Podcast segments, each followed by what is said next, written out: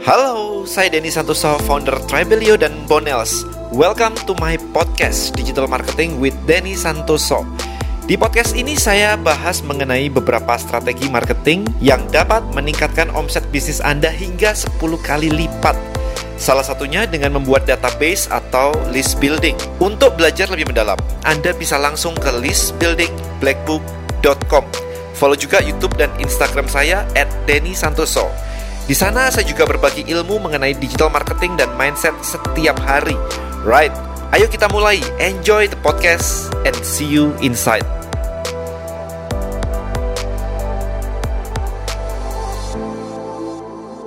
Welcome, welcome. Hai. Wah, Hai, Denny. banget nih. Kita akan bedah ya salah kaprah yang ada di market bisnis versus dagang.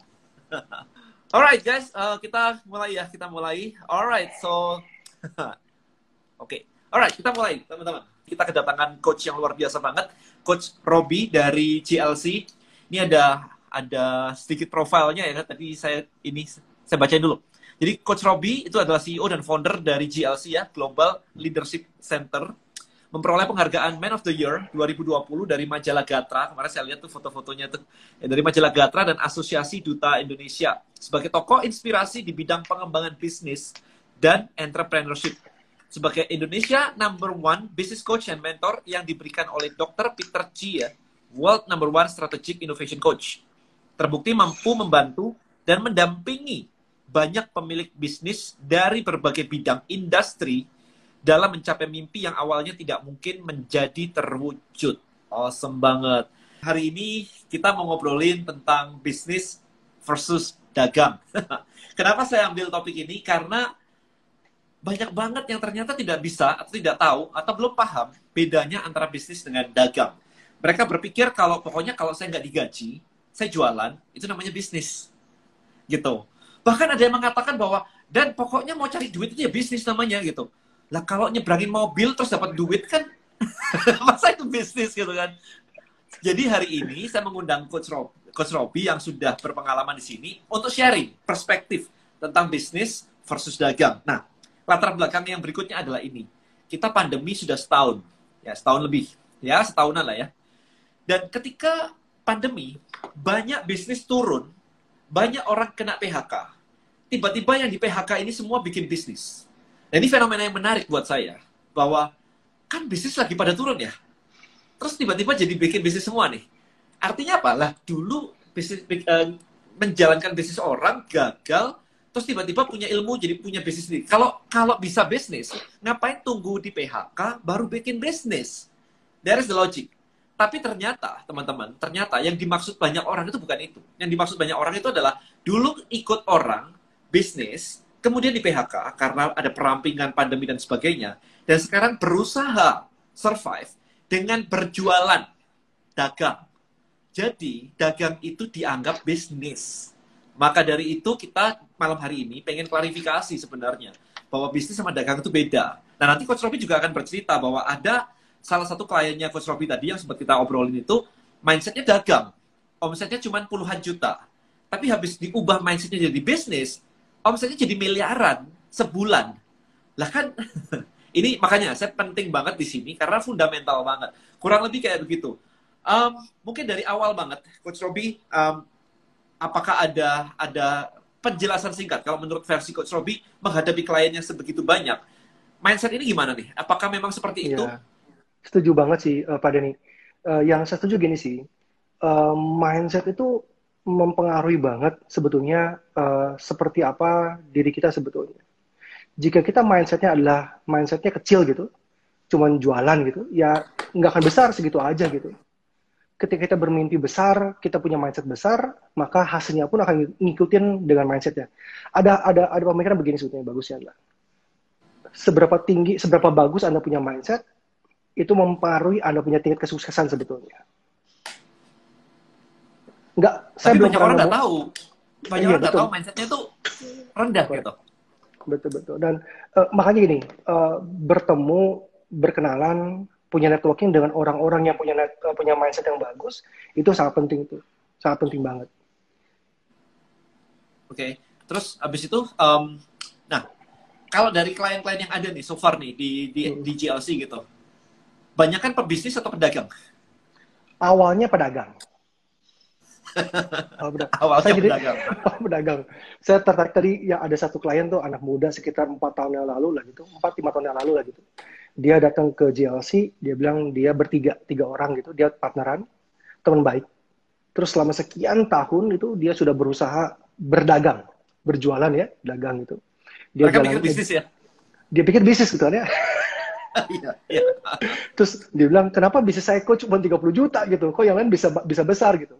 Nah, saya bilang yang namanya bisnis sama dagang beda jauh tuh gitu. Kalau ngomongin dagang ya levelnya kayak level TK lah gitu ya.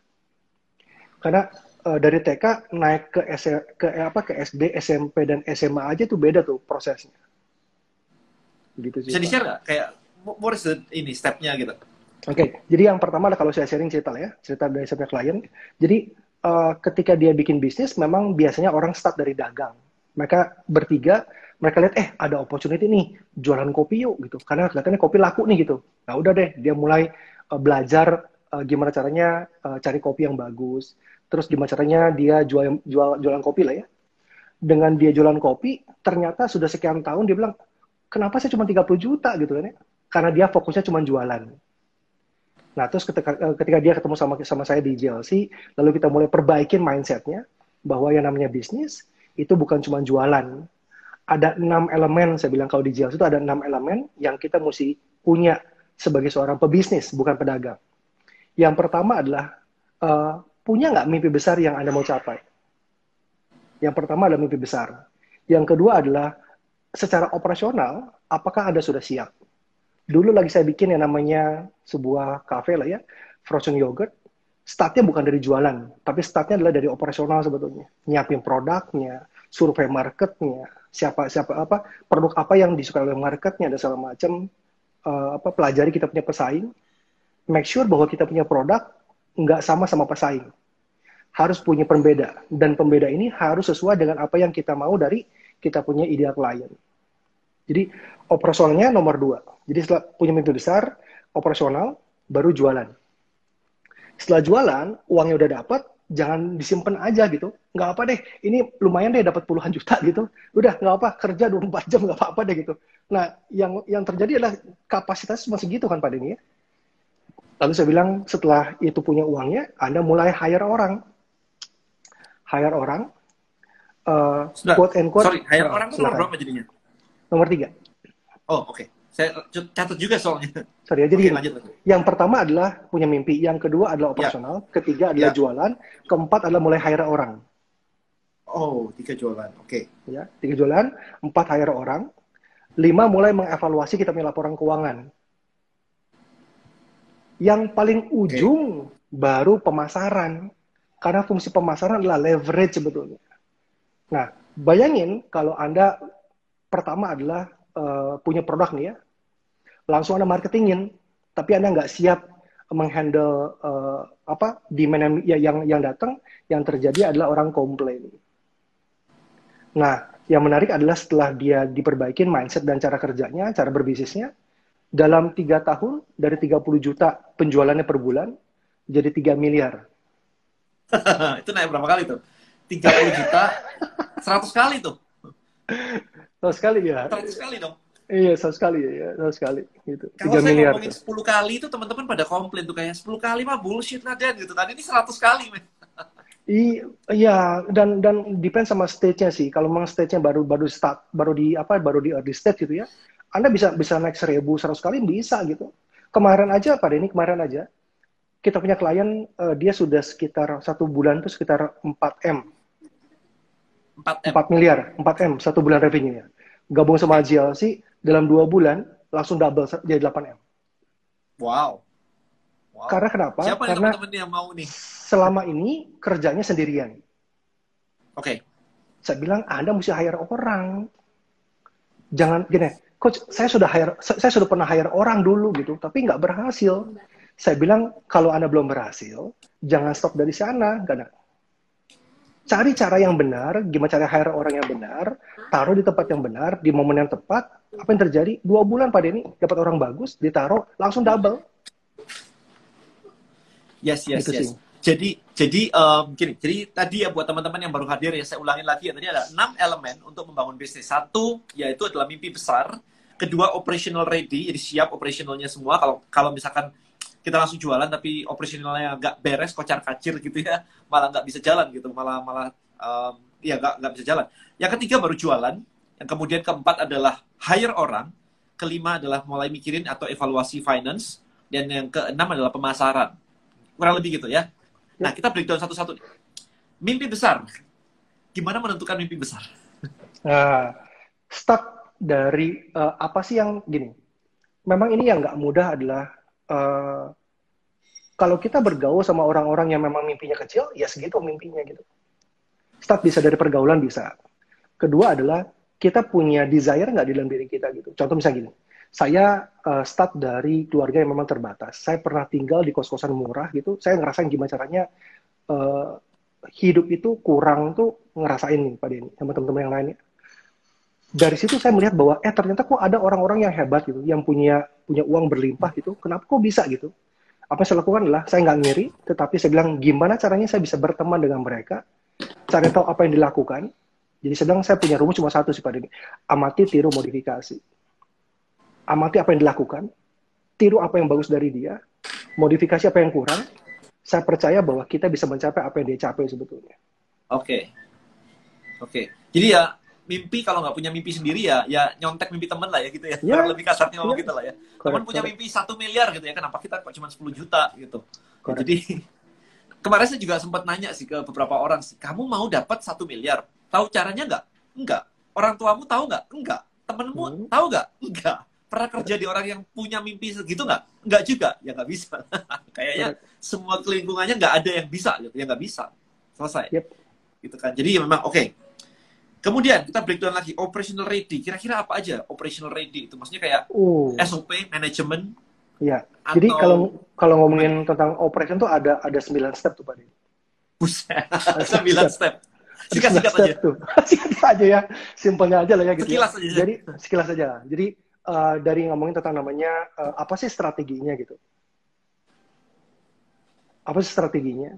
Terus eh, kita create yang namanya bisnis model canvas-nya. Oh ya. Bisnis prosesnya seperti apa? Bikin struktur, stru- apa strukturisasi seperti apa? Job desk-nya seperti apa? KPI-nya seperti apa? Bikin eh, automation seperti apa? Endingnya adalah kita mesti bikin dashboard. Bisnis dashboard lah ya. Ya, jadi endingnya adalah gini. Kalau kita bikin eh, yang namanya bisnis, beda sama yang namanya dagang. Yang namanya bisnis adalah untuk long term. Kalau dagang, ya buat short term lah ya. Itu yang sering kali saya bilang gini. Saya lebih suka mengatakan bahwa ini bukan kita punya customer, tapi ini adalah kita punya klien. Karena secara mindset, kalau kita bilang customer, di kepala saya ada cuma one time, cuma satu kali transaksi, that's it. Tetapi kalau namanya klien, itu adalah saya berpikir bahwa dia akan beli lagi sama kita, beli lagi sama kita, beli lagi sama kita. Jadi klien is different with with with, with customer gitu. I see. So that's mindset. Yes, kemarin saya sempat live bersama dengan Coach David Cokro yang tadi saya sempat cerita. Dia juga menarik uh, ilustrasinya bahwa orang dagang fokus ke transaksi, orang bisnis fokus ke bisnis model.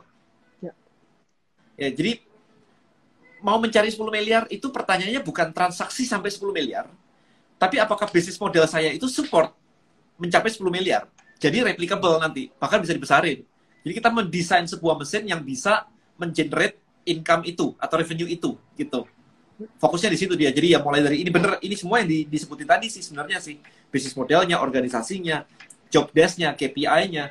Bahkan mungkin teman-teman di sini fokusnya adalah ya gua mau jualan, apaan itu KPI segala, OKR segala gitu kan. Mereka nggak nggak paham sama sekali ya. Jadi guys, KPI singkatnya adalah Anda tahu em, atau OKR yang Anda tahu bahwa tim Anda ini punya fungsi masing-masing di, di kerjaan mereka masing-masing saat ini dan itu dibuat se, se- apa ya se seoptimal mungkin. Mereka punya goal yang harus tercapai dengan aktivitas seperti apa. Itu didesain semua. So misalnya, misalnya contoh ya gini aja deh, misalkan sehari harus nelpon berapa customer. Itu ada KPI-nya semua. Nggak cuman kayak, oke sehari sekali, besok besok lima kali lah. Hari ini juga ya sekali lah hari inilah gitu. Nggak kayak begitu. Jadi ada ada ada KPI-nya, ada kayak targetnya, ada goal-nya, ada hari ini harus ngapain gitu kan ya, Coach Robi ya. Iya. Nah satu hal sih Pak Denny gini, gini sih, uh, jangan pernah underestimate kita punya bisnis sebetulnya. Simple okay. ya. Uh, sekitar tahun 19 sekian lah ya, saya pernah mengcreate sebuah satu konsep uh, foto studio, simple foto studio. Okay. Kalau mindsetnya kita kecil, ya cuma satu pak, teman-teman ya, cuma satu. Tapi once kita berpikir bermimpi besar, apa yang terjadi? Kita bisa create sampai 130, nggak pakai uang kita, pakai franchise. Pakai yes. duit orang lain, kita kembangin kan? 130 di seluruh Indonesia. Kita cuma punya satu tuh, tapi kita bisa karena punya mindset yang besar, punya mimpi yang besar, punya mindset yang bagus, mimpi yang besar, apa yang terjadi? Kita punya ide banyak cara supaya kita bisa ngembangin itu punya bisnis. Even though hanya foto studio kan, hanya foto studio. Tapi kita bisa ngembangin sampai 130 dan kita dapat revenue itu uh, karena itu royalti ya tiap bulan setengah miliar. Itu belum belum termasuk belum termasuk dengan uh, apa franchise fee yang yang pertama kali dia bayar buat lima tahun lah ya. Tapi ya itu sih itu, itu bonus lah ya bonus. Karena sebetulnya kalau ngomongin tentang franchise uh, income terbesar buat franchisor adalah dari royalty fee bukan dari franchise fee sebetulnya. Ya 500, franchise 500 fee itu modal modal sama ngefilter. Ya. Ya kan? Modal awal kos yang dibuat itu kan itu sama ngefilter. Ya. Gitu. saya punya klien lagi gitu. Saya punya klien dia cuma jualan apa cuma bisa punya satu toko gitu. Satu toko uh, apa peralatan furniture gitu peralatan buat furniture engsel dan segala macam lah gitu kalau mindset cuma satu ya satu gitu tapi ketika dia gabung sama kita gitu kita kita besarin dia punya mimpi dan segala macam bahwa dia mampu bahwa dia punya punya apa punya punya hak untuk berhasil yang terjadi adalah kita lagi bangun franchise konsepnya buat seluruh Indonesia. Yes, karena karena um, banyak orang itu berpikir bahwa saya cuma mampu satu karena modal saya terbatas. That's it. Dan gak kepikiran tuh, apakah cari franchise kan, apakah cari investor mereka udah gak kepikiran. Aduh, karena ya saya mampunya segini doang gitu. Tadi pada ini tadi saya something thing. Ini kita kan lagi lagi juga ada project baru di JLC kita bikin mau bikin venture capital Ya. Ternyata teman-teman teman-teman ternyata ternyata ternyata kalau ngomongin tentang uang investor, kalau bahasa Sunda tuh pabalatak. Apa tuh? Jadi uang itu sebetulnya banyak gitu. Banyak orang yang mau invest gitu. Malah investor bingung mau invest di mana gitu. Nah, yang jadi tantangan adalah mereka bingung siapa company atau bisnis yang memang siap untuk diinvest gitu. Seringkali ada ya. dia menemukan, dia, sering kali dia menemukan bahwa ini menarik nih, cuman kok nggak siap untuk diinvest gitu. Ya dia cari yang, yang lain lagi. Gitu. company-nya atau orangnya nih? Dua-duanya. Yang pertama lah pasti orangnya dulu. Karena gini kan ya, aduh ini bisnis saya nih gitu. Saya dari kecil nih, ini babynya saya nih, ini anak pertama saya nih gitu. Saya sudah ah. dapat uh, eh, 3 juta nih tiap bulan. Why saya mesti mesti dapat mesti dapat investor? Why saya mesti besarin lagi? Saya, saya saya udah happy kok segini. Why gitu. Padahal kalau dia memang mau terbuka dengan yang namanya uh, apa investor, besar. Saya lagi bikin uh, bikin konsep yogurt lah ya.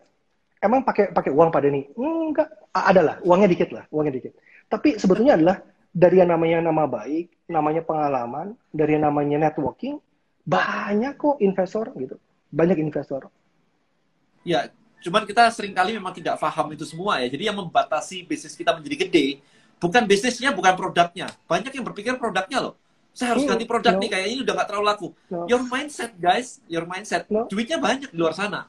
Masalahnya duitnya suka nggak malu gitu kan. Duitnya aja nggak modal. Karena mindsetnya nggak karuan. Iya. banyak kejadian sih Pak Denny. Ada kita punya klien di Bandung gitu ya, di Bandung. Dia jualan ya. ada bakso lagi segala macam gitu ya. Pabrik bakso gitu. Dia bilang, ya. e, Bu, ini udah berapa lama Anda bisnis? 20 tahun. Oke. Okay. Menurut Anda apakah market di Bandung udah ngerti Anda punya brand? uh, sudah semestinya coach. Kenapa buktinya? Ya 20 tahun coach itu. Yuk kita survei yuk. Pas disurvei, zero. Amin adalah bukan zero lah, cuman kecil lah ya, kecil. Jadi saya bilang, ngeliatin dia bu ya, dia pun gini kaget. Gila ya coach, setelah kita survei ke kita punya, ke kita punya segmentasi kita, ternyata banyak orang Bandung yang nggak tahu dia punya brand gitu. Si, saya bilang. Mindset. Lebih pakai asumsi daripada pakai data sebetulnya. Nah, itu bedanya antara nah, yang namanya dagang, dagang sama namanya bisnis nih kalau dagang ya. pakai asumsi nih, um, pakai ilmu dukun gitu ya, pakai ilmu dukun. Kalau bisnis pakai data gitu, gitu. Menarik. Saya bilang, uh, mm -mm. Saya bilang kemarin, kalau memang kamu pakai perasaan, pakai feeling dan banyak benarnya, nggak usah bisnis, ke kasino aja. Karena bisnis butuh data.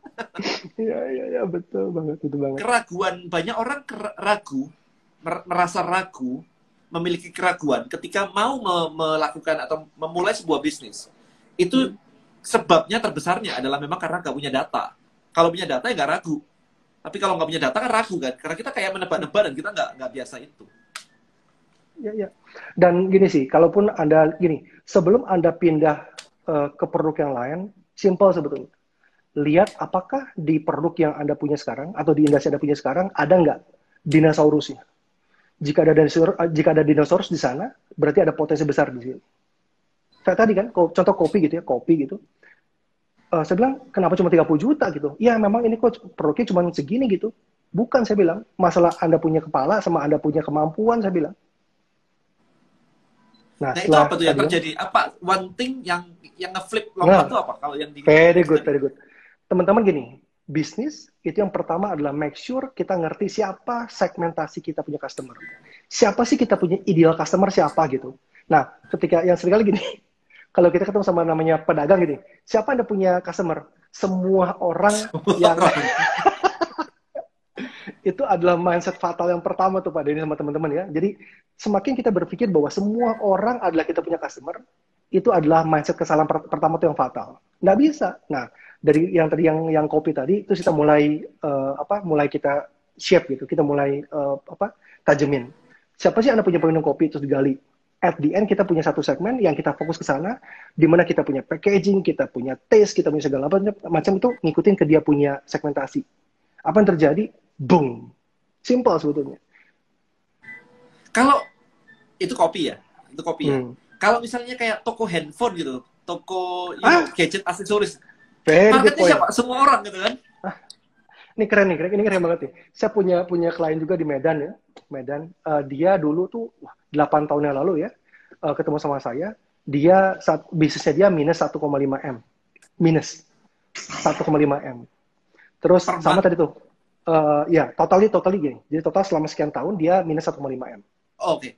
Okay. Terus saya bilang, uh, siapa siapa customernya? Semua yang jualan laptop. saya bilang seru juga nih ya. Nah, apa yang terjadi? Kita bilang, yuk kita fokus ke segmen mana nih yang ada yang anda punya ideal customer paling besar. Setelah kita ya. fokus, kita survei kan ya, apa sih dia punya pain gitu? Apa sih dia punya pain? Apa sih dia punya uh, wants yang dia pikir dia uh, sudah beli sama dia punya di apa master dealer, tapi kok dia masih ngerasa bahwa dia masih ada yang dia dia nggak suka sama master dealernya. Nah, di situlah tempat komplain yang kita jadiin bisnis sebetulnya. Apa yang terjadi? Kita bilang gini, jika karena ini dari dari seseorang yang nggak tahu dia siapa gitu, nggak punya ya, yang no, nobody lah ya. Kita setelah kita mulai survei ke dia punya customer dan kita tahu apa dia punya pain sama dia punya wants ya, apa yang terjadi? Kita bilang uh, para reseller yang ada di Medan, jika Anda beli produk laptopnya saya, saya akan back, buyback garansi 18, dalam 18 hari. Jika tidak laku, Anda boleh uh, info ke saya dan saya balikin uangnya. Apa yang terjadi? Seluruh, hampir seluruh reseller di Medan akan mulai gini, ih ini orang siapa ya? Kok dia berani garansi dalam 18 hari? Saya bilang gitu kan. Apa yang terjadi? Kemarin tahun 2020 dia dapat tiga penghargaan dan tiga brand terbesar. Lenovo, Asus, sama Acer. Nice. Startnya dari, startnya dari mana? Startnya dari satu, dari customernya sebetulnya. Seberapa dia bisa tajam sama dia punya customer sebetulnya. Ya itu makanya teman-teman di sini tuh selalu kan kalau nonton video saya selalu saya ulang-ulangin tuh market market market ada yang komplain dan lu mah teori doang katanya. Kenapa aku nggak diajarin buka toko langsung aja di Shopee, di Lazada dan lain-lain gitu kan? Like iya. what? Jadi saya, saya, saya sharing lagi nih Pak Denny. Dulu lagi saya uh, bikin cafe frozen yogurt yang pertama kali. Di saat itu sebetulnya sudah ada namanya sour sally. Di mana segmentasinya adalah kan memang lebih ke teenager kan ya. Yang pertama ya. saya mesti tanya sama diri saya adalah, apakah kita mau nggak dengan segmen yang sama? Atau kita lihat ada nggak segmen yang berbeda? Apa yang kita lakukan? Kita bilang kita akan pilih segmen yang berbeda karena dengan berbagai uh, apa uh, dengan berbagai pemikiran gitu. Apa yang terjadi? Produknya sama, tetapi dia punya segmentasi berbeda. Ya dia ke teenager, kami kayak yang lebih mature. Apa yang terjadi? Kita bisa lebih besar, dia pun juga, juga besar. Kita nggak fight di situ. Walaupun sama-sama frozen yogurt tetap ya tetap ya tetap ini kan tetap. sama kayak kemarin tadi yang bilang kan ya Air Asia laku Singapore Airlines juga laku bukan salah satu laku terus satunya mati enggak juga marketnya totally different gitu kan ada Wardah, ada yang lain-lain, ada Pons, ada Citra, yang masing-masing punya punya punya customer base sendiri-sendiri karena berbeda. Bedanya itu bukan di barang, teman-teman. Bedanya itu di benak sebenarnya. Iya. Iya kan? Iya. Barangnya Iya, mirip-mirip betul, lah. betul. Betul. Ya kan? Pemutih merek ini, pemutih merek itu ya ya sama gitu. Benaknya orang aja yang berbeda. Nah, masalahnya adalah kita tidak bisa menemukan benak market untuk ditaruh di situ kalau kita nggak kenal market kita gitu kan. Correct. Dan Right. itu adalah eh, apa ya? Seringkali yang di mana peng, apa eh, pengusaha awal tuh nggak nggak mau atau mungkin nggak berani atau mungkin nggak tahu gimana cara ngelakuinnya. Survei seperti konsumen simple, just ajak ngobrol aja sih. Yes. Anda beli belinya produk apa? Apa yang Anda masih suka? Apa kenapa Anda, anda beli produk itu? Iya, iya, iya. Apa sih apa Mereka sih yang bahkan Anda masih rasa? nanya apa. Mau nanya apa Iya. katanya. Saya Iya, iya, juga. iya, iya. Iya. Nah, kemarin ada satu cerita yang cukup menarik nih, Coach Robi. Um, Ya. Saya bilang bahwa behavior orang itu bobotnya lebih tinggi daripada hasil survei. Yep. Nah, kemudian saya kasih gini, saya kasih case tadi nih. Kemarin tuh bener-bener di clubhouse. Saya nanya kan ada cewek, saya nanya, usiamu di atas 40 atau di bawah 40? Dia bilang di bawah 40. Oke. Kamu peduli nggak sama anti aging? Wah peduli banget kata dia sama anti aging cewek iya. Lu pakai nggak barang anti aging? Kagak katanya. di survei peduli banget, ditanya beli nggak? Kagak. Pakai nggak Enggak. produknya? Kagak. so that's the difference between survey sama pengamatan data behavior. Iya, betul. Betul. Interesting. Oke, Setuju. kita lanjut dulu nih. Kita lanjut dulu nih. Ke yang nomor tiga jualan udah, udah tahu lah. Teman-teman di sini jago jualan semua. Saya akan move ke nomor empat. Hire orang. Siapa yang Mhm. harus di hire pertama kali dan gimana kalau kita nggak punya modal? Oke, misal gini ya. Yang tadi saya bilang pertama lagi nih. Modal itu bukan jadi masalah sebetulnya. Karena Oke. sebetulnya banyak orang banyak orang di luar sana yang jika Anda bisa presentasi dengan baik, bisa networking sama mereka, mereka bersedia kok untuk invest uangnya di, di tempatnya Anda. Saya lagi bikin konsep uh, Frozen Liquid yang pertama kali adalah saya saya adalah saya jualan di beberapa uh, investor lah. Salah satunya adalah di di salah satu di banker gitu. Saya cuma bawa presentasi tuh Pak Din sama teman-teman. Saya presentasi, saya sharing saya siapa, ini adalah konsepnya, backgroundnya ini seperti apa saya dapatnya, apa potensi market yang, yang bisa dapat dari Indonesia dan segala macam lah gitu poinnya. Langsung dia bilang ini, oke eh, Pak Robi, kalau 20 M cukup nggak uangnya? Jadi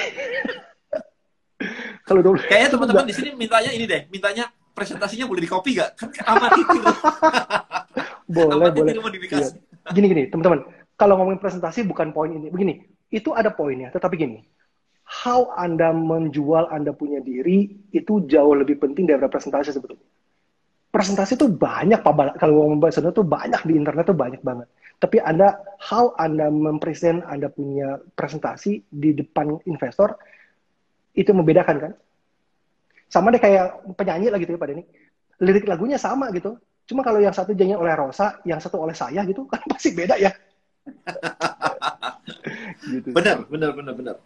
Nah, oke, so kemudian ya, berarti siapa kalau gitu? Hire orang. Berarti tadi waktu pertama kali presentasi gitu barangnya belum ada ya, bisnisnya belum ada ya? Belum ada konsep tuang cuma jualan jualan gini. Kalau kayak jual properti deh Pak cuma jual, jual ludah saya. Jual ludah gitu. Benar saya cuma jual ludah. Saya jual ludah, saya jual nama baik, saya jual network sebetulnya dan jual mimpi. Investor bukan lihat bisnis modelnya sebetulnya. Bukan lihat bisnisnya, bukan lihat uangnya. Yang pertama kali dia lihat adalah apakah orang ini bisa saya percaya nggak? Betul nggak sih? Karena ini dulu ini. Dulu saya pernah ada satu anak muda datang eh, diantar sama eh, teman saya yang jadi manajer cabang lah, bank di satu cabang ya di apa di Bintaro gitu. Eh coach ini ada mau presentasi bagus nih saya dengar nih gitu. Oh iya dari ajak kantor deh. Saya bilang siapa tahu kita bisa invest ke dia lah ya. Dia presentasi, ih bagus nih sebenarnya. Cuma sebentar gini, Anda punya presentasi sama Anda punya background apa hubungan? Saya bilang nggak ada hubungannya. Nah terus ini siapa yang ngerunning ini bisnis? Ya nanti kita cari. Nah saya bilang terus Anda ngapain di sini? Ya saya cuma presentasi aja. Lah bilang terus saya, saya bilang how saya bisa invest di anda, anda punya bisnis? Saya bilang gitu. Mana berani saya invest di Anda punya bisnis kalau Anda nggak ngerti gitu. Anda cuma ngerti aja, ini ada konsepnya, ini ada ide bagus, cuman Anda nggak ngerti gimana cara execute-nya. Lah, sebenarnya terus siapa yang berani taruh invest di uang di, di bisnis Anda gitu ya itu sih. Jadi bukan masalah presentasinya, tapi how Anda selling Anda punya diri sebetulnya. Karena ada beberapa orang juga yang di di tempat saya nih, yang di yang saya minta untuk sharing idea aja mereka udah ketakutan, katanya nanti idenya dicuri. Oh my god. Teman-teman, ide mah uh banyak di internet gitu. Kita gini, ide mah banyak beneran serius. Jangan berpikir bahwa ide itu cuma di kita. Banyak. Mereka berpikir semua adalah Steve Jobs kali. No. yang bisa nemuin kayak barang baru gitu. Kayaknya Steve Jobs cuma satu gitu kan, Elon Musk cuma satu. I- i- even though Anda punya ide yang brilian gitu ya, yang yang yang meyakinkan gitu, tapi ketika ditanya sama investor itu, how Anda execute dan Anda nggak ngerti gimana cara jawabnya, gone. Gitu sih. Banyak orang yang bisa jualan kopi, tapi siapa yang bisa jual uh, kopi dengan kurun waktu tiga bulan, eh sorry tiga tahun dari 30 juta jadi jadi 3 m. Yuk, siapa? Berapa banyak? Dikit kan? Nggak banyak orangnya. Jadi bukan masalah di produknya, bukan masalah di bisnisnya, tapi how Anda create Anda punya karakter sebetulnya. Ngomongin itu, ngomongin tentang hal itu, saya, saya sempat keinget satu hal tuh um, kemarin tuh. Semua bisnis gagal itu punya produk. Yang tidak mereka miliki adalah ideal customer-nya sebenarnya. Correct. Betul. Dan orang nyari produk gitu. Yang gagal pun juga punya produk kok. ini ada satu yang terkait ini uh, uh, pertanyaan satu yang kebetulan terkait banget ya. Saya, saya uh, bacain aja langsung. Personal branding jadi kunci ya sekarang ya. What do you think? Ya, setuju sih, setuju. Apalagi di zaman kayak sekarang ya digitalisasi gitu. Ketika Anda in, ketika Anda ini ya, Anda punya ide bagus nih ya, Anda jago, Anda presentasinya gitu. Terus investor cuma simple, just check ke sosial media. Muncul nggak nama Anda di situ? Kamu siapa? Ih, nggak ada orangnya gitu, nggak ada, nggak ada namanya gitu. Apa yang terjadi? Wah, ini orang bener nggak sih gitu kan? Gitu sih. Jadi Tapi kalau cuma branding- personal branding doang, takutnya pencitraan juga. Ya enggak juga kan pasti gini kan. Pertama eh bagus nih. Oh followernya banyak gitu kan. Ditanya isinya ada nggak kan sama ya. Orang Oh, selalu iya. melihat orang selalu melihat dari da- dari dua hal. Satu adalah packagingnya pasti yang pertama. Yang kedua adalah Ya. isinya kan. Nggak mungkin cuma Ya. lihat packaging doang terus nggak lihat isinya kan. Ya. Nah kalau packaging aja nggak bagus, te- ngapain lihat isinya kan? Udah pasti dibuang sama dia. Oke, got it. Terus tadi balik lagi um, hire orang tuh kira-kira hire yang eh, hire apa dulu nih? Kalau Oke. misalkan harus harus hire orang nih. tergantung ada punya kebutuhan sebenarnya Pak Deddy. Jadi eh, masing-masing orang tuh tergantung. Bisa eh saya lagi lagi butuhnya adalah penjualan nih karena secara kapasitas produksi saya punya lebih besar, tapi karena tangan saya cuma dua jam, saya cuma 24 jam satu hari, saya butuh tenaga sales nih. Ya udah cari orang sales. Eh saya butuh orang finance nih karena saya nggak ngerti nih orang tentang keuangan nih. Ya udah yuk hire orang accounting. Jadi depend sama kebutuhan anda sebetulnya. Oke, it. Ini ada satu yang uh, terkait dengan tadi kalau personal branding nanti bisnisnya jadi tergantung dengan kita dong. Ya, Oke, tahap pertama sama poinnya sama. Startnya adalah pertama adalah kita. Tapi lama kelamaan jangan jangan jadi Superman. Lama kelamaan kita mesti bangun yang namanya adventure. Correct. Correct. I've learned that dari bela- dari DMID jadi Tribelio. DMID saya jual diri kan. yang di depan pokoknya semuanya di depan yang deliver saya sendiri gitu. Jadi kalau saya nggak muncul orang nggak mau denger udah kayak gitu. Kalau hari ini saya tetap di depan, guys. Tapi all running by system sudah sudah belajar dan kesalahan. Ya. All the team udah ready semua, udah supportnya udah udah running sendiri gitu. Saya cuma kayak nyetir gitu, arahnya ke mana ini, arahnya ke mana gitu.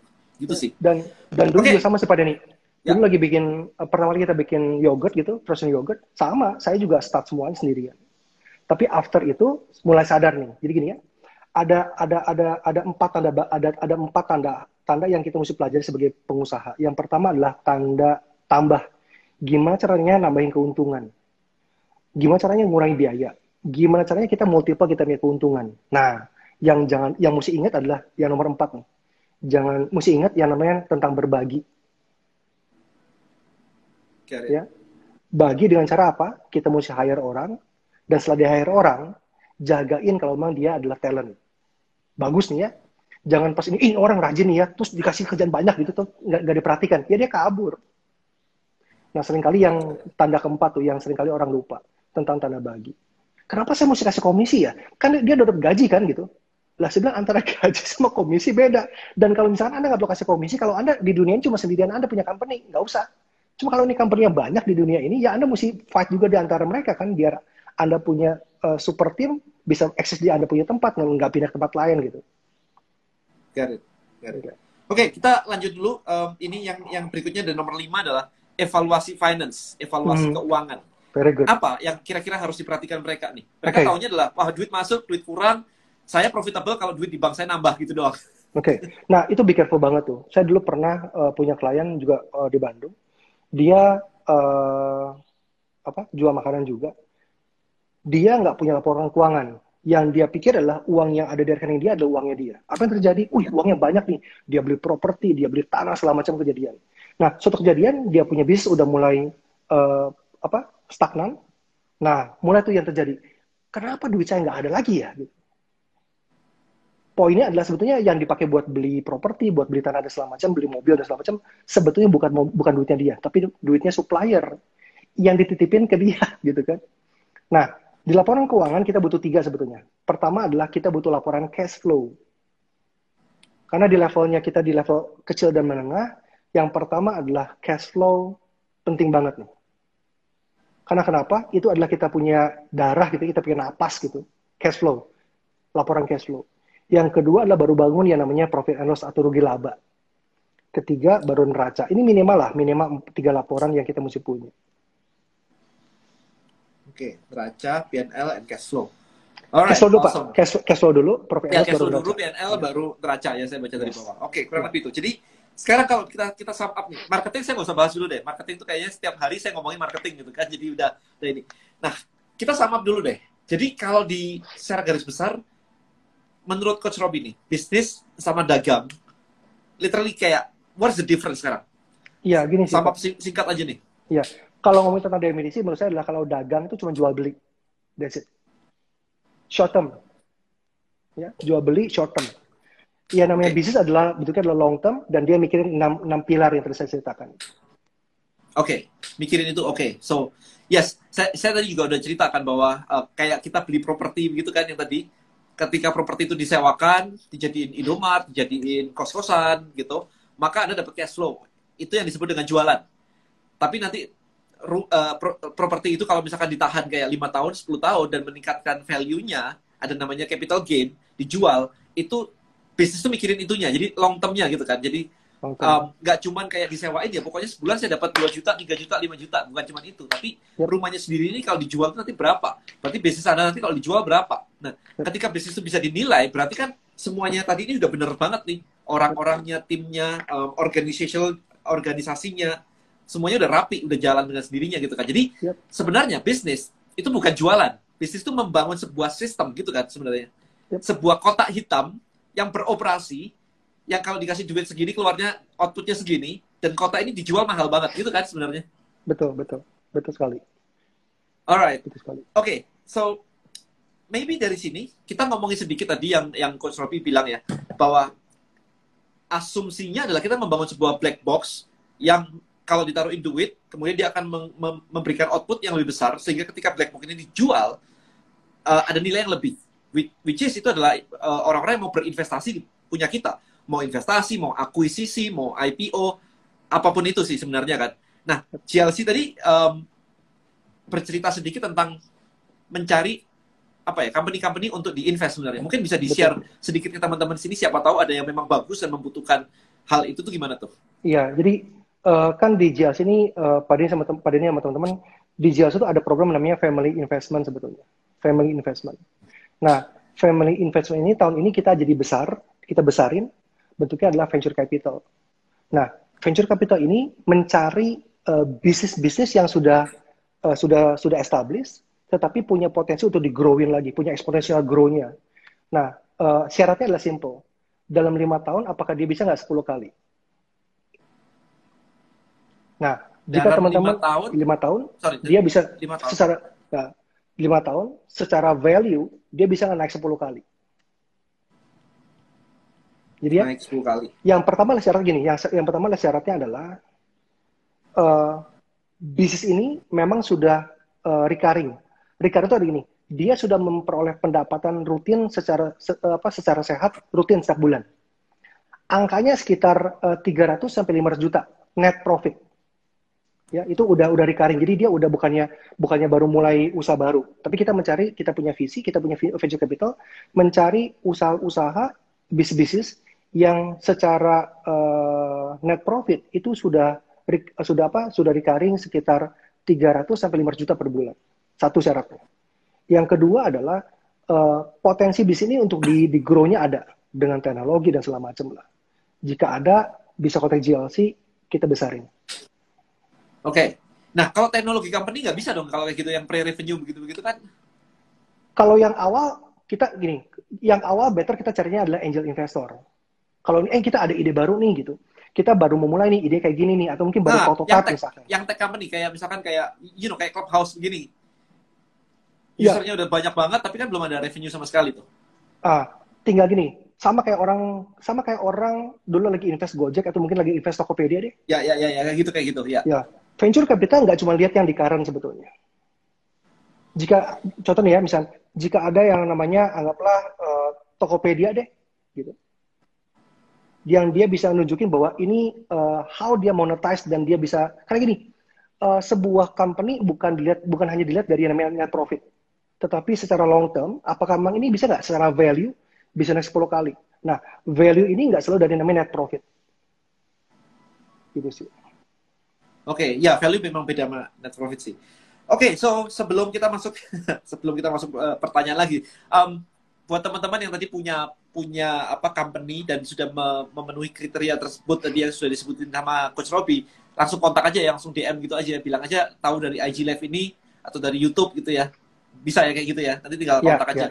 Yes. Yeah. Jadi buat teman-teman silahkan langsung di-follow aja itu Coach Robi. Saya juga di-follow ya kalau belum ya. Kita masuk yeah. nih ke ke pertanyaan nih, waktunya tinggal 15 menit soalnya. Ada program seed fund nggak?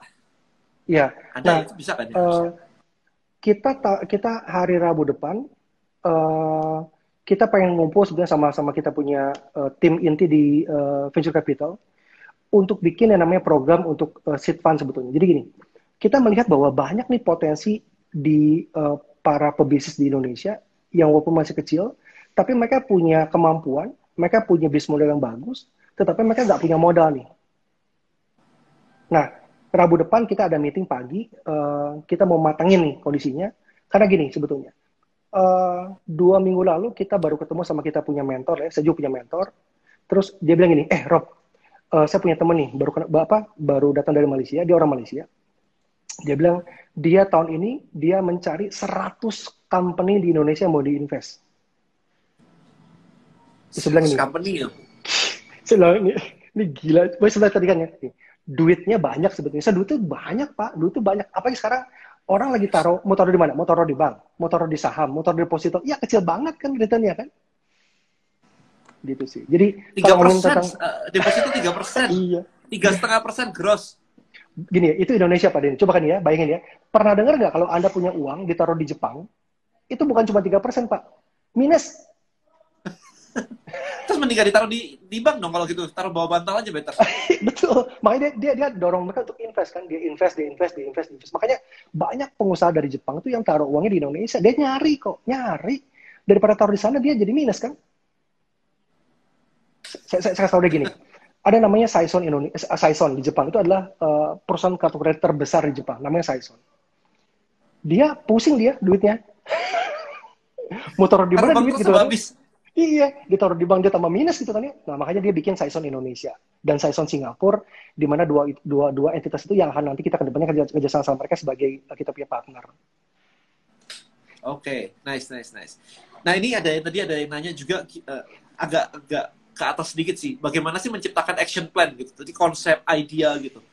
Okay. Breaking down ke action plan di running the business itu gimana sih?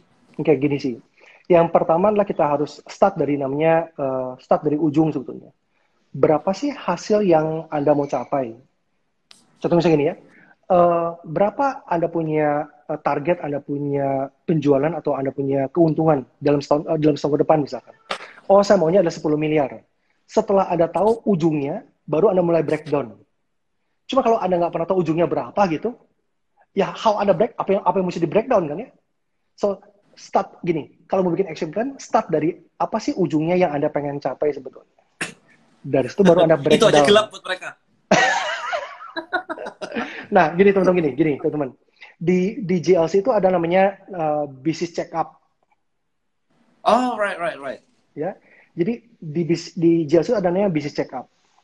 Nah, oke. Okay. Uh, itu bisa buat uh, Anda yang sudah punya bisnis maupun yang baru punya baru mau punya bisnis. Jadi Oke. Eh, lima tahun empat tahun lalu ada satu mahasiswa UPH gitu yang diantar sama anak sama orang tuanya gini, coach ini tolong dong bantu anak saya nih. Kenapa anaknya bu? Masalahnya di mana? Dia baru lulus dari UPH, dia nggak mau kerja, nggak mau nggak mau nggak mau bisnis, nggak mau bantu orang tuanya. Jadi dia mau cuma main game di rumah. Nah, saya bilang "Ini orang kenapa sih gitu? Nah, saya bilang simple. Nah, endingnya adalah dia punya bisnis, dia bisa beli mobil sport yang dia minta, yang dia mau dalam one year. Dalam satu tahun dia punya penjualan satu bulan satu setengah miliar. Itu dia? Cuman banyak sih prosesnya ini. Prosesnya banyak, tapi startnya dari bisnis check up sebetulnya. Jadi kita gali eh, apa sih Anda punya kemampuan, Anda punya background pendidikan apa, lingkungan Anda seperti apa, apa sih bisnis yang Anda yang Anda pengen itu seperti apa sih, yang Anda punya passion di mana bentuknya. Jadi eh, setelah kita tahu, baru kita mulai yuk. Kalau ini gimana? Ini ada potensi nggak? Ini ada potensi nggak? Terus mulai ke sana. Kalau nggak ada uang, yuk kita bikin presentasi yuk. Anda present ke, ke, ke calon investor, terus kita kita cari tuh, kita mulai dari situ prosesnya. Nah, startnya dari namanya bisnis check up. Oke, berarti kalau belum punya bisnis pun bisa dibantuin ya? Bisa, Pikir, bisa. Dipikirin gitu. digali, uh, digali kita potensinya ada di mana. Betul. Kemudian kita punya pengetahuan bantuin dia kayak peluangnya di mana. Interested gak lo gitu kan? Tapi tetap Betul. mereka juga harus execute kan, nggak bisa kayak Harus, harus banget. Lucu banget tuh, terjadi lucu banget pada ini. Jadi ini anak UPH gitu kan, itu gini, coach, yakin coach, saya mesti ke pasar becek nih coach. Saya bilang, ya pilihan cuma dua sih. Kalau anda punya uang, udah hire salesman, suruh salesman jual ke pasar becek. Cuma ada duit, ada duit nggak sekarang buat hire salesman? Belum ada coach. Nah kalau belum ada, siapa yang jualan? Ya saya, ya jalan. Coach, harus saya, ya. coach saya lulusan UPH, coach. Kalau ntar teman saya datang, kenapa? Emang kenapa saya bilang? Ya itu benar-benar hajar ini ya mindset ya, Iya, ego kita- mindset semua. kita kita itu coach saya belum pernah jualan coach gimana caranya terus kita ajarin gitu. Ayo yuk role play jadinya role play role play. Kamu gini caranya gini caranya ini ini ini, ini. udah ngerti? Ayo mulai. Udah sampai gitu aja sampai ke pasar becek nih pak pada nih ya. Dia telepon saya coach bener nih coach. Yakin nih mesti bener gini nih. Bener Nah, masuk saya bilang masuk aja. Butuh butuh It- apa butuh keluar dari zona nyaman. Tapi apa yang terjadi? Itu setelah setelah setahun satu bulan dia punya revenue satu setengah miliar kalau ngomongin produknya saya nggak bisa tahu karena itu klien-kliennya kita Ya, ya, ya, ya. simple klien apa simple produknya simple banget saya bilang gila potensi gede banget gitu Ya, ya, ya. gitu sih Interesting, interesting. Oke, so ini lanjut. Um, kalau kita ngeset mulu-mulu di awal, nggak tercapai malah kecewa. Gimana tuh? no no no no no gini saya suka banget sama namanya eh, apa pepatah yang dari kalau saya nggak salah dari Presiden Soekarno sih gantungkanlah kita punya mimpi setinggi langit ada tambahan ya kan ya kalaupun jatuh ya nggak jauh-jauh lah ya di, di- tetap di bintang kan ya nah sekarang kalau kita nggak pernah taruh mimpi di langit gitu terus kita taruh di mana di jemuran ya jatuh-jatuh di situ juga enggak kan ya Nice, nice, nice. gitu sih Ya, ya, ya. Jadi ya, ya ini self talk sih kalau saya bilang selalu saya bilang itu adalah self talknya aja. Self talknya itu koleksi self talknya destruktif atau malah membangun gitu. Oke, so karena kita waktunya juga cukup cukup mepet nih. Ada yang nanya juga cara check up bisnis. Itu ada ada gimana sih? Amin kayak ada daftar bayar Oke. berapa dan sebagainya. Kalau kayak gitu. kayak gini. Eh anda sebetulnya bisa kontak ke gini deh gini deh simpel deh. Biar nanti ini enggak enggak apa karena saya lupa nomor apa nomor telepon saya punya tim. Anda bisa DM saya atau DM ke Pak Denny. Nanti saya akan nanti Pak Denny bisa info saya nomor teleponnya berapa. Nanti saya minta tim untuk kontak ke anda. Simpel sebetulnya itu bisa dari sisi eh, bisa dari online bisa juga ketemu depend sama coachnya sekarang nantinya Prosesnya gimana prosesnya? Oke, yang pertama adalah Anda akan dikasih, eh, kita ada 25 coaches di, di GLC.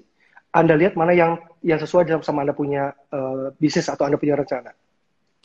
Dari situ kita mulai janjian kapan eh, Anda mau ketemu di mana, mau di Jakarta atau di kotanya Anda, gitu sih. Oke, harganya ada ada harga Oke. atau ada diskon? Oke, normalnya adalah 5 juta. Tetapi kalau ini dari dari dari Pak Denny, bila aja ntar sama tim, ini karena dari Pak Denny eh, hanya satu setengah juta. Ya, tetapi daf, tapi daftarnya hanya sampai besok.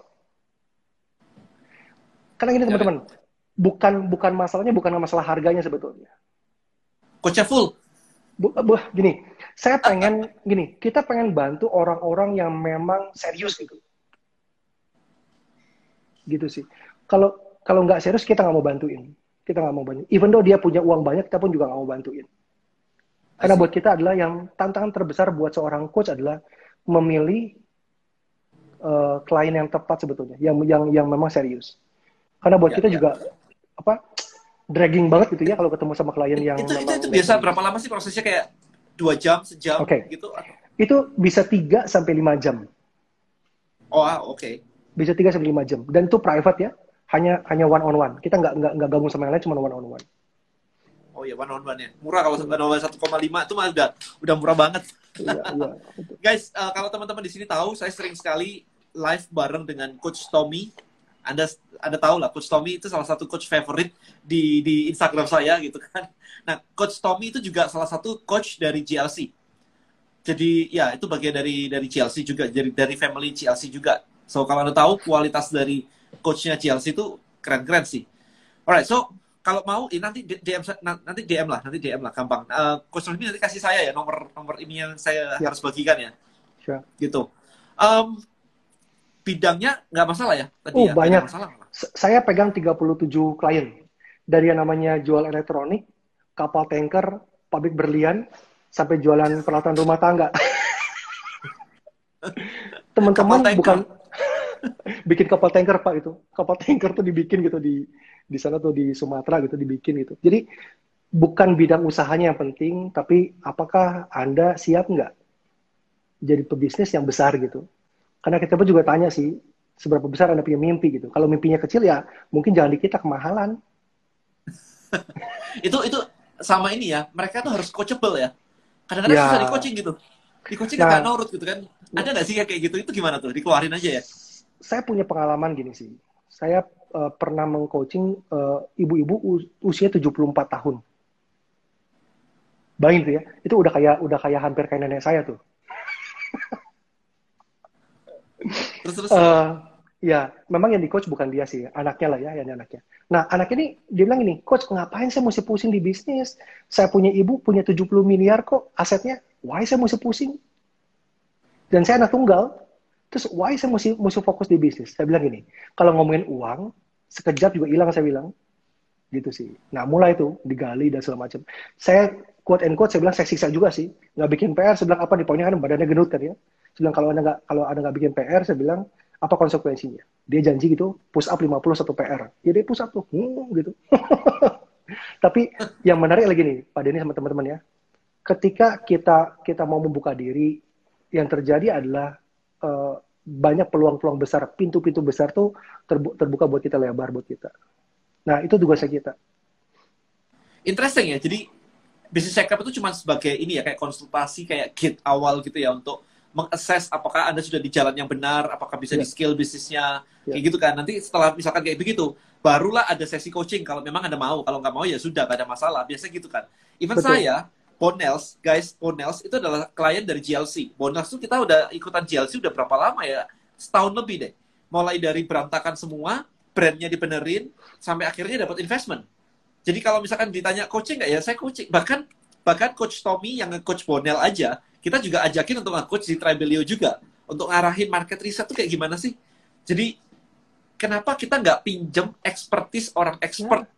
Daripada kita sok tahu sendirian tapi nggak pernah nyampe gitu saya maunya cepet ya. Jadi jadi kayak gitu. Jadi Bonels di di coaching sama coach Tommy kemarin dan sekarang dapat investment bagus ya ya ya oke okay, gitu.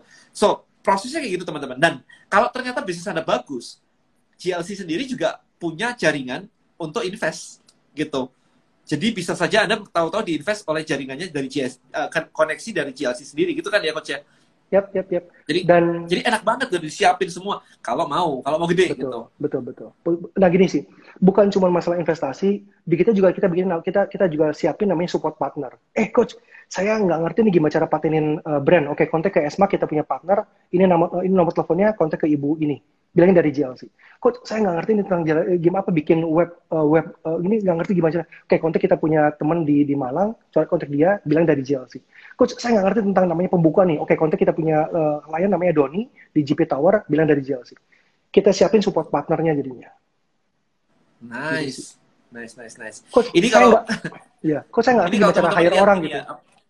Ya, terus kalau nggak ya. kalau nggak bisa hire orang, kok saya nggak nggak nggak apa nggak punya waktu buat hire orang atau nggak ngerti bisa hire orang. Oke, kontak ini kita punya partner, cariin aja gitu. Jadi kita siapin support partner di situnya sebetulnya. Interesting. Ya kalau saya ada apa-apa tinggal bisa tinggal telepon Coach Robby nih. Kayak aku butuh ini, aku butuh ini nih. Kayak kemarin juga menarik teman-teman. Jadi kalau kemarin ada satu klien dari uh, Chelsea juga yang saya refer juga, itu strugglingnya di operational kan. Jadi kita beresin semua tuh pakai coach yang memang jago di operational sampai operational beres nih. Begitu operational beres, kita ganti coach. Ya. Karena yang kurang sekarang adalah marketingnya misalnya.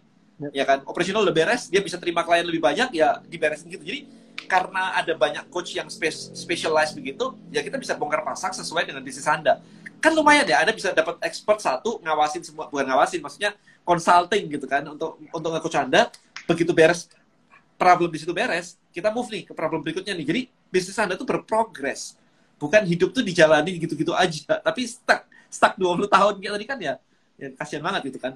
Dan satu hal nih Pak Denny. Uh, teman-teman gini ya kalau Anda ini just tip aja nih. Kalau Anda ketemu coach di luar sana simple caranya.